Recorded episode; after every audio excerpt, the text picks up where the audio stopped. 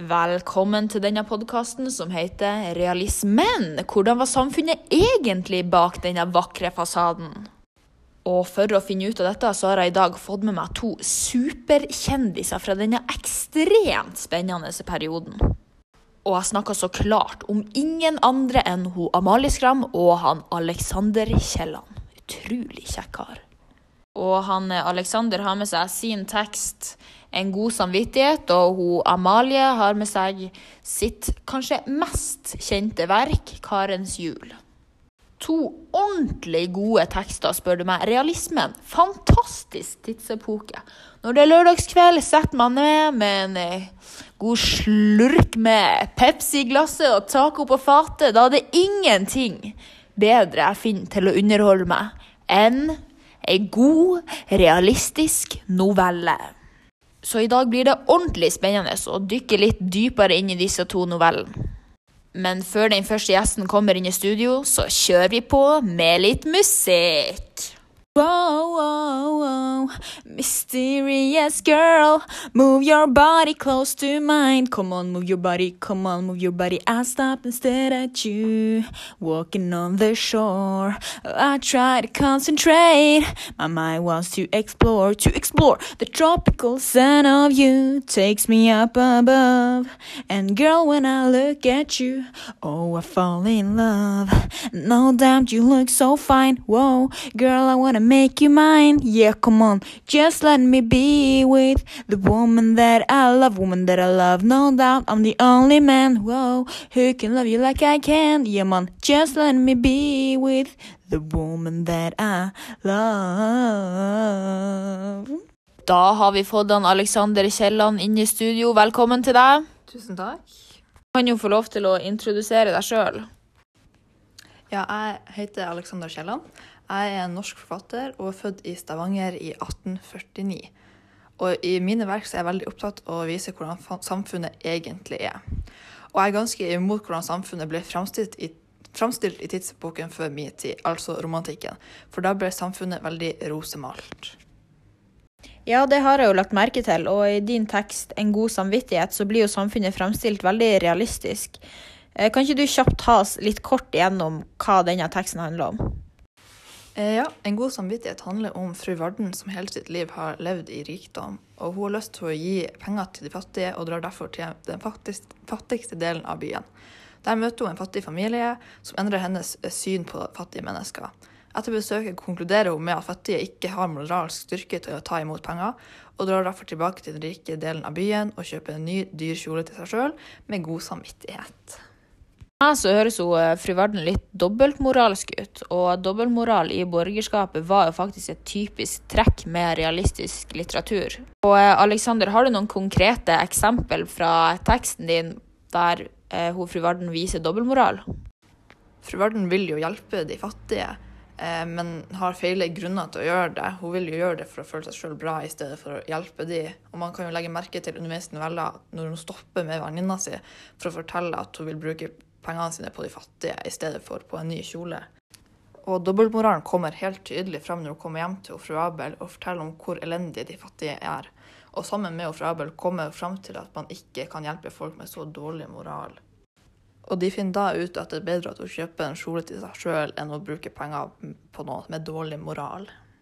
For meg så høres det ut som hun bruker den dårlige moralen til de fattige for å rettferdiggjøre det at hun skal kjøpe enda en ny kjole til seg sjøl.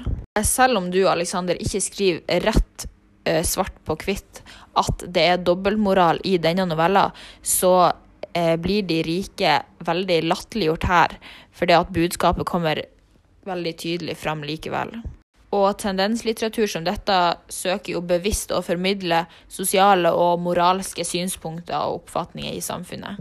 Og akkurat enkeltpersoner sine moralske valg var jo også et typisk trekk ved realistisk litteratur.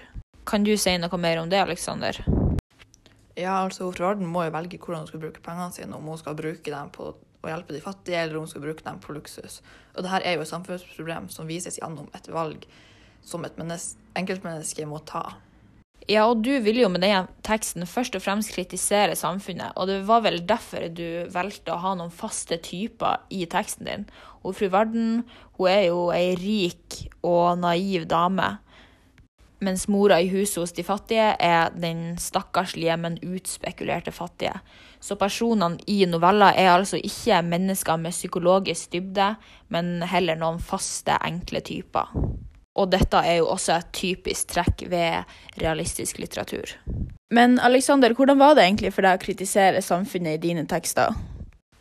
Det var jo ikke akkurat sosialt akseptabelt, så derfor har jeg i mine tekster valgt å kritisere samfunnet indirekte fremfor å si rett ut hva jeg mener. For da kan jo ingen ta meg på det. Veldig interessant. Alexander Kielland, tusen takk for at du kunne komme hit i dag. Tusen takk for at jeg fikk komme. Og nå skal min medradiovert ta over for å intervjue neste gjest som kommer inn i studio, Amalie Skram. Men først litt musikk. Ja, vi elsker Bodø-Glimt, og vi elsker det vi ser. Bodø-Glimt for evig. Mer, mer, mer. Og vi har tørka tårene og av og til besvimt. Å, oh, Bodø-Glimt. Hei og velkommen tilbake. Vi skal videre i programmet med neste gjest, det naturalistiske ikonet, hun Amalie Skram. Velkommen, Amalie. Tusen takk. Kan du fortelle oss litt om deg sjøl? Ja, jeg er en norsk forfatter og ble født i 1846 i Bergen. Og I likhet med Alexander så legger jeg heller ikke skjul på noe når samfunnet blir fremstilt i mine tekster. Men i motsetning til Alexander, som jo var en realistisk dikter, så er jeg litt mer på den naturalistiske sida av litteraturen. Mine tekster kan derfor oppfattes som mer ekstreme enn f.eks. Kielland sine. Ja, for hva er egentlig forskjellen på realistisk og naturalistisk eh, litteratur? Ja, eh, naturalisme er jo mer ekstrem form for realisme med et mer radikalt sannhetskrav. Derfor kommer jo også virkelighetens heslige sider fram i naturalismen. Det er ingen detaljer som legger skjul på, og både sykdom, fattigdom, prostitusjon, kroppsvæske og elendighet blir detaljert beskrevet. I realismen var også menneskesynet mer optimistisk enn i naturalismen, og mennesket var fritt og kunne styre sin egen skjebne, mens det pessimistiske menneskesynet, menneskesynet i naturalismen gjorde at menneskets situasjon var mer bestemt av arv og miljø framfor menneskets egne valg. Ja, jeg har jo lest novella di, 'Karens jul', og i den så virker det jo veldig som at Karen sin skjebne er forutbestemt, og at hun ikke har noen mulighet for å endre på den. Kan ikke du kort fortelle hva novella handler om? Ja, novella handler jo om den fattige unge karen som med et nyfødt barn søker ly fra det kalde juleværet i et lite skur. Når en politimann ser karen og barnet, så vil han jage dem vekk, men han lar dem til slutt forbli i skuret til etter jul. Når politimannen et par dager senere går innom skuret, så finner han både barnet og kvinna frosset i hjel. Og det stemmer jo at Karen ikke hadde noen mulighet til å endre på skjebnen hun til slutt måtte lide, og dette er et typisk naturalistisk trekk, som du sier. Ja, og denne determinismen er jo ikke det eneste naturalistiske trekket i novella.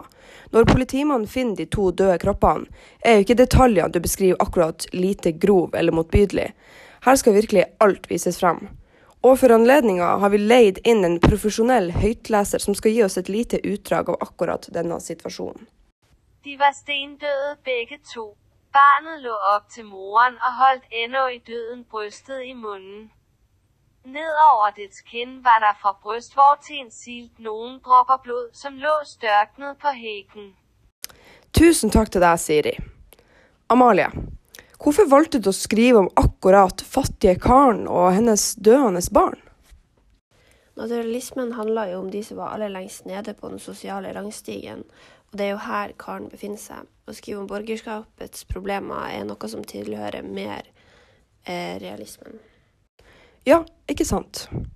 Noe annet jeg også legger merke til, er at eh, replikkene mellom Karen og politimannen ikke er skrevet på standard norsk.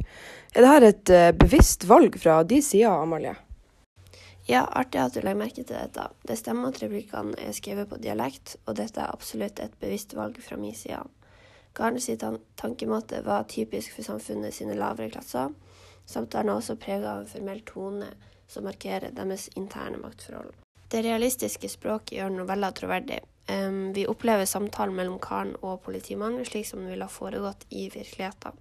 Samtalen etterlever tidas formelle krav til, en samtale mellom to personer med forskjellig status. Karen viser at hun er underlegen i måten hun snakker på, og hun snakker med i bred dialekt. Det antyder at hun tilhører underklassen. Politimannen skifter mellom en vennlig og en rettende tone, så man skifter mellom å snakke eh, formelt og bruke mer uformelle sammentrekninger av ord, sånn som man gjør i talemålet. Veldig bra, Amalie.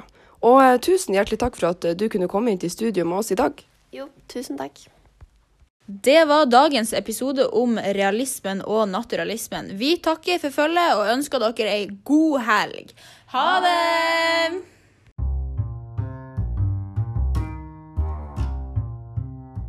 Og dagens annonsører er Coprix, kondomeriet.no og lyco.com.